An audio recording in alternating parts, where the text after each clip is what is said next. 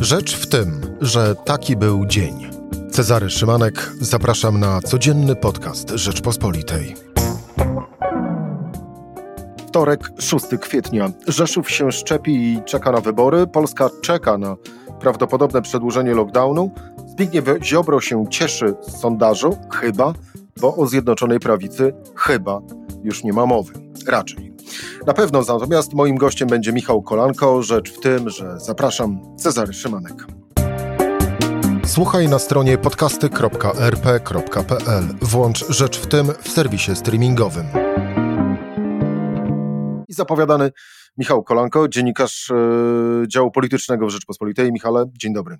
Dzień dobry, witam serdecznie. Michał, patrząc na to, co dzieje się w Rzeszowie, czy szczepionki stały się nową kiełbasą wyborczą? Myślę, że te, ta historia wokół Rzeszowa pokazuje bardzo wiele rzeczy. Jedna rzecz jest taka, jak bardzo ważne są, e, stały się w polityce dane.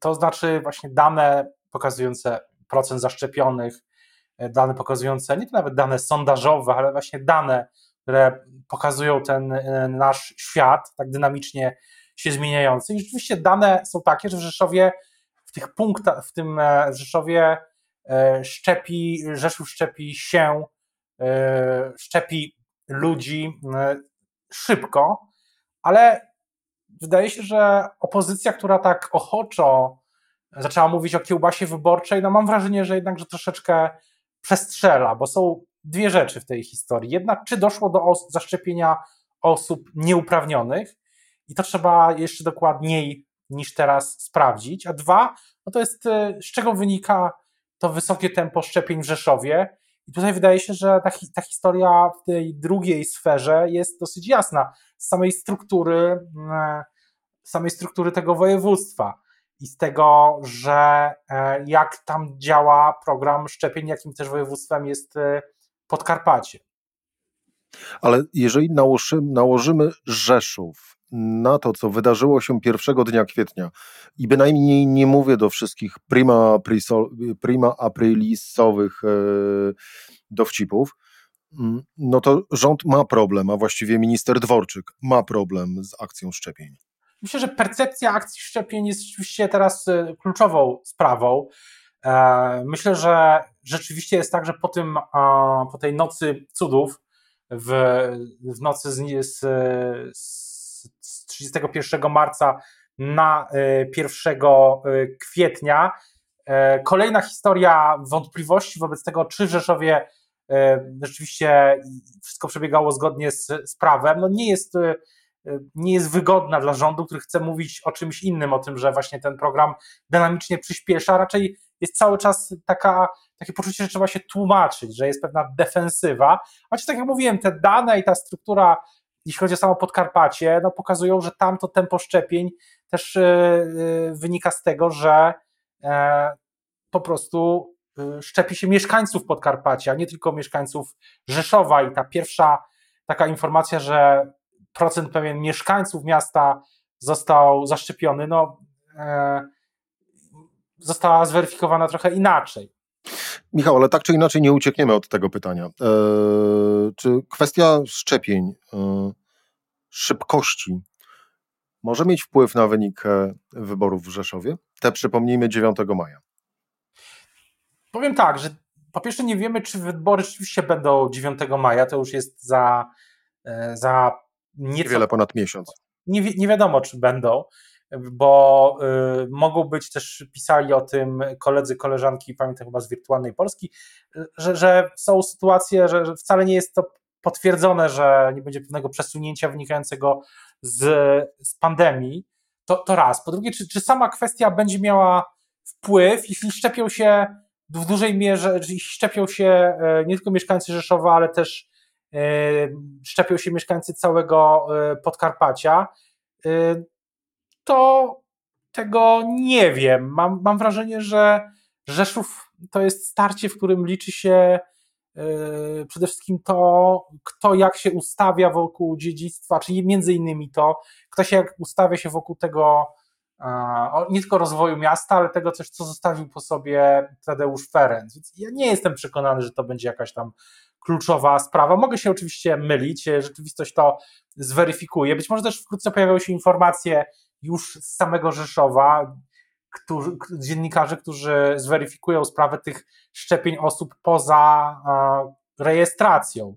Tak, to byłby masowe takie szczepienia, informacja o takich masowych szczepieniach byłaby kłopotem e, na pewno dla samego Prawa i Sprawiedliwości, które, tak jak mówiłem, cały czas musi się tłumaczyć. Musi się tłumaczyć e, i musi przeprowadzić, e, bo, bo po prostu rządzi rząd Prawa i Sprawiedliwości. Musi przeprowadzić akcję szczepień. Pytałem o to w zeszłym tygodniu Zuzę Dąbrowską. Nie będę mówił, jak odpowiedziała, żeby nie narzucać ci toku myślenia bądź sugerowania odpowiedzi. Pozytywny wynik programu szczepień, czyli e, zaszczepienie do końca sierpnia wszystkich chętnych, chociaż, no właśnie, te słowa premiera Mateusza Morawieckiego też w sobie zawierają jakieś swego rodzaju usprawiedliwienie, bo co to oznacza, oznacza wszystkich chętnych. Ale y, załóżmy, że y, osiągniemy gdzieś odporność populacyjną i ten plan szczepień do końca sierpnia faktycznie ci wszyscy chętni zostaną zaszczepieni. Czy to spowoduje, że Prawo i Sprawiedliwość, rząd Mateusza y, Morawieckiego może coś odzyskać? Myślę, że może coś zyskać. Sam PiS może coś zyskać. Zyskać możliwość prowadzenia polityki w tej, tak jak kiedyś powiedział premier Morawiecki, ta, to pojęcie się teraz mniej pojawia, ale ja jej przypomnę, nowa normalność, bo osiągnięcie osiągnięcie tej odporności populacyjnej, a wcześniej zdjęcie większości tych najbardziej uciążliwych obostrzeń, ja rozumiem, że taka będzie sekwencja w chwili, gdy e, ta, e, gdy ta liczba, no, będzie taki moment, że te obostrzenia zostaną w części zniesione, to umożliwi prowadzenie polityki. E, nie mówię tu tylko o, o tym, że być może uwaga wtedy wyborców będzie właśnie skierowana na tą prepozycję na przyszłość, czyli ten tak zwany Nowy Ład, pewnie propozycje na przyszłość wszystkich partii, bo w międzyczasie, w tym pierwszym kwartale, te wszystkie partie pokazały pewne pomysły e, na przyszłość. Najwięcej chyba e, Szymon Hołownia i, i Platforma, ale wszyscy coś e, zaproponowali. PiS był zajęty raczej sam sobą i lockdownem, szczepieniami. Ma pokazać nowy ład i myślę, że PiS może odzyskać możliwość prowadzenia właśnie takiej no, polityki, która zdaniem PiS zdaniem moich rozmówców też no, polega na trzech słowach, czyli obiecać, zrealizować, wygrać wybory w 2023 roku. Odzyska zdolność, ale czy to wykona, to tego nie wiem. No i druga rzecz, żeby ostatnie jedno tylko zdanie, no odzyska też możliwość PiS e, dokończenia, czy rozpoczęcia, raczej, przepraszam, dokończenia e, tego, co zapowiedziało, czyli zmian wewnętrznych, czyli kongresu PiS i też ponownego wyboru prezesa Kaczyńskiego na funkcję prezesa PiS. E, no to muszę jednak wspomnieć słowa Zuzanny Dąbrowskiej, naszej redakcyjnej koleżanki, która w ubiegłym tygodniu stwierdziła, że to, że program szczepień zostanie przeprowadzony e, z sukcesem, nie będzie oznaczało, że Polacy, czytaj wyborcy, zapomną wszystkie dotychczasowe przypadki, które wydarzyły się w Polsce wskutek właśnie. właśnie rządów Prawa i Sprawiedliwości. Ja się zgadzam, że, że to nie jest tak, że, że będzie y, koniec y, programu, tej, tego etapu programu szczepień, bo chyba ten program będzie musiał być permanentny w miarę y, pojawienia się, jeśli będą niestety pojawiać się warianty, szczepi- warianty koronawirusa, które będą odporne na obecne szczepionki, no to wtedy będzie musiał być kolejny cykl, ale że, że samo zaszczepienie, dojście do tej odporności populacyjnej to nie będzie jakiś game changer, w tym sensie, że nagle świat nie zrobi się dla PiS piękniejszy, no bo może być właśnie odwrotnie, że ludzie, wyborcy przypomną sobie te wszystkie historie, które gdzieś tam no, się zamroziły, tak? Zamroziła się kwestia e, na przykład y, tego, co ze swoim majątkiem, jak szeroko inwestował w nieruchomości prezes Obajtek. Zamroziła się kwestia tej nocy mm, cudów, ale też dla opozycji mogą być e, pytania, bo wydaje mi się, taka zamrożona też kwestia, to jest też kwestia tego, że Szymon Hołownia no, zaszczepił się i jeszcze to ogłosi. To prezydent Andrzej Duda już to wystarczająco skomentował, wydaje mi się, że chyba nic lepszego, oczywiście to żartobliwe moje stwierdzenie, ale nic lepszego niż prezydent Andrzej Duda w tej kwestii już nie, nie wymyślimy. Powiedzmy tak, że życzymy zdrowia Szymonowi Hołowni. Michał, pojawił się sondaż, sondaż przygotowany przez Indikatora, z którego wynika, że oto, uwaga, Solidarna Polska, startując osobno, dostaje się do parlamentu z wynikiem 5% i 0,2%. Na zaskoczenie? Nie, bo podobny sondaż, podobne sondaże były już w ubiegłych tygodniach, miesiącach, że tam w badaniach indikatora poparcie dla Solidarnej Polski wynika, wynosi około 5%. E, ja bym powiedział tak, że Solidarna Polska od ubiegłego roku, od, od końca kampanii prezydenckiej, doprowadzi taką bardzo intensywną własną kampanię odróżniania się i prowadzenia. Ja bym to nawet nazwał taką grę na niepodległość. Radykalnego odróżniania się, radykalnej niepodległości w bardzo wielu sferach, ale głównie w sferach e, kulturowych, chociaż nie tylko. E, I jest, wydaje mi się, że 5% można powiedzieć tak, że 5% po takich i po takich wysiłkach, naprawdę w bardzo wielu sferach, to nie jest specjalnie dużo. Z drugiej strony można też powiedzieć, że to jest oczywiście sondaż zawieszony w pewnej próżni, którą jest to, że nie ma, mm, nie tylko nie ma wyborów na horyzoncie ogólnokrajowych, ale też e, no, nie ma takiej kampanii, w której Solidarna Polska byłaby osobno, bo ja mam takie dziwne wrażenie, że gdyby do niej doszło, e, zostawmy Rzeszów, w którym Rzeszowie oczywiście Solidarna Polska startuje kandydat E, popierany przez Solidarną Polskę, pan wiceminister Warchoł startuje osobno od kandydatki PiS, ale ogólnokrajowo myślę, ja już wiem, co byśmy usłyszeli. Prawo i Sprawiedliwość powiedziałoby po prostu, że to są zdrajcy. Ja nie wiem, czy w takich warunkach, w których e, cała ta machina Prawa i Sprawiedliwości musiała, musiałaby też siłą rzeczy skupić się na mm, Zbigniewie Ziobrze i jego ludziach, e, czy, czy Ziobro dowiózłby nawet te 5%, ale to jest oczywiście taka spekulacja, bo ten sondaż, jaki no, jest zawieszony w takiej do jednak ogromnej politycznej, y, ogromnym politycznym nawiasie. Zresztą, no jak wszystkie ostatnie y, polityczne y, sondaże, jak i również całe nasze tak naprawdę życie gdzieś jest w pewnym sensie zawieszone w próżni. A propos tego właśnie, Michał, bo docierają różnorakie informacje, oczywiście nieoficjalne, ale tak patrząc z politycznego punktu widzenia, rząd zdecyduje się na przedłużenie lockdownu, twoim zdaniem? Myślę, że myślę, że to wszystko jest, znaczy jaki ten lockdown będzie dalej, znaczy, ja powiem tak, sądzę, że lockdown będzie na pewno dalej, jaki, jaki czy będzie jakieś, będą jakieś drobne zmiany, to się okaże wkrótce, e, za kilkanaście, kilkadziesiąt godzin. Zastanawiam się, na, zastanawiam się, na ile polityka tutaj jest e, istotnym czynnikiem.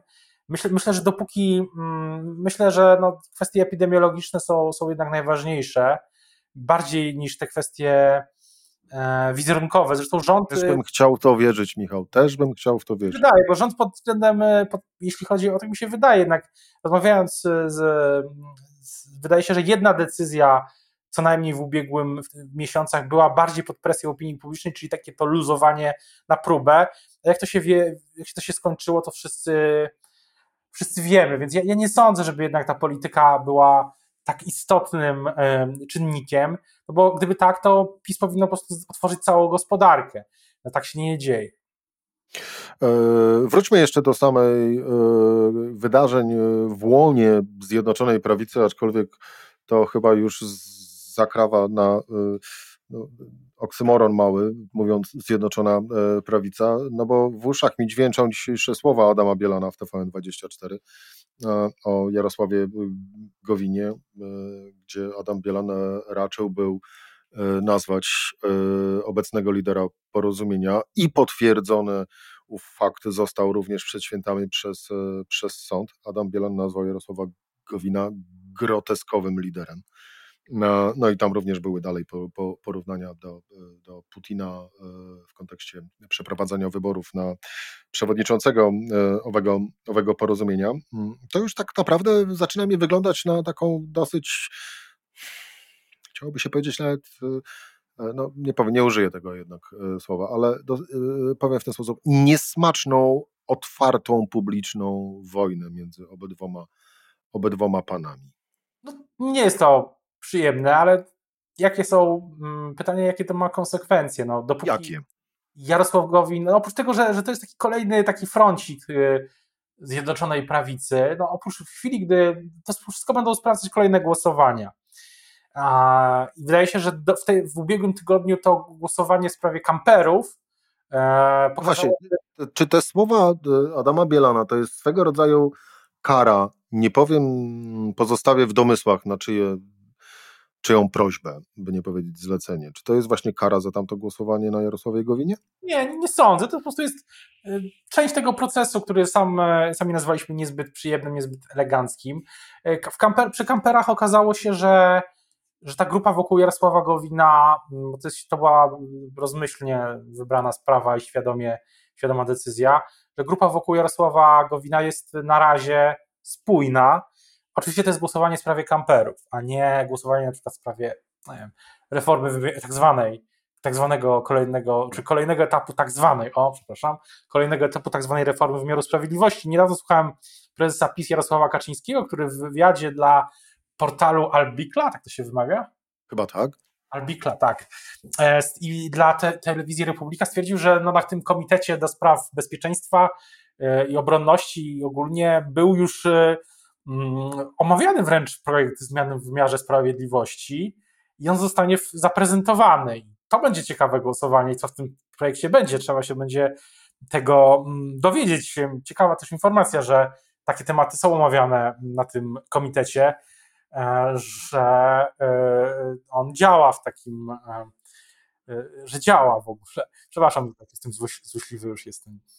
Ale wracając jeszcze do, do, do owego wątku w kontekście porozumienia, Michał, no bo to, no właśnie, Zjednoczona Prawica de facto nie istnieje i to nie jest tak, że oczekiwanie na pierwsze, lepsze, poważniejsze, poważniejsze głosowanie ale tak naprawdę w tej chwili no, nie znamy dnia ani godziny, kiedy przyjdzie do głowy pomysł przedterminowych wyborów.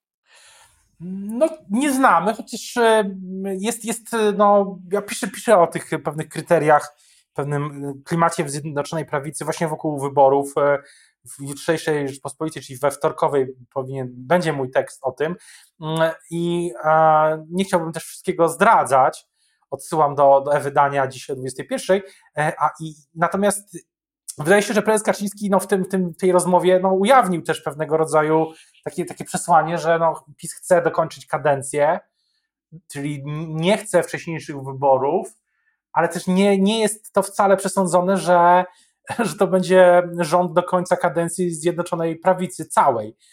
I wydaje mi się, że to jest ważna, znaczy ważna, ważna też e, taki wypowiedź, która jakoś tam e, w jakimś sensie zaznacza kierunki na najbliższe tygodnie, dni i miesiące. Myślę, że będą bardzo ciekawe. Szykowa, szykują się ważne głosowania w Sejmie, nie takie jak o tych kamperach, bo z całym szacunkiem mm, ważna sprawa, ale taka jednak niszowa, ale no, głosowanie nad funduszami, zasobami własnymi Unii, E, realizacja projektów z Nowego Ładu, kiedy on zostanie zaprezentowany. I, no i oczywiście będą też wybory w Rzeszowie. Wynik zobaczymy, prędzej czy później będą. E, zobaczymy, co wszystko, co się będzie działo. Myślę, że, e, że ten pierwszy kwartał pełen zaskakujących wydarzeń, jak transfer pani poseł Moniki Pawłowskiej do porozumienia z lewicy. No, ten drugi kwartał, myślę, że ten pierwszy kwartał w tym serialu pod tytułem Zjednoczona Prawica. Drugi sezon będzie jeszcze ciekawszy w tym roku. Strach się bać, Michał. E, Michał Kolanko, e, dziennikarz działu politycznego Rzeczpospolita. Bardzo dziękuję Ci za rozmowę. Dziękuję również, miłego dnia, no i do, dużo zdrowia. E, to dla wszystkich Państwa. Cezary Szymanek, to była rzecz w tym we wtorek. Do usłyszenia jutro o tej samej porze.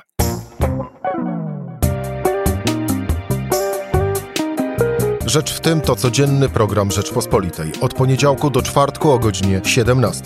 Słuchaj na stronie podcasty.rp.pl. Włącz Rzecz w tym w serwisie streamingowym.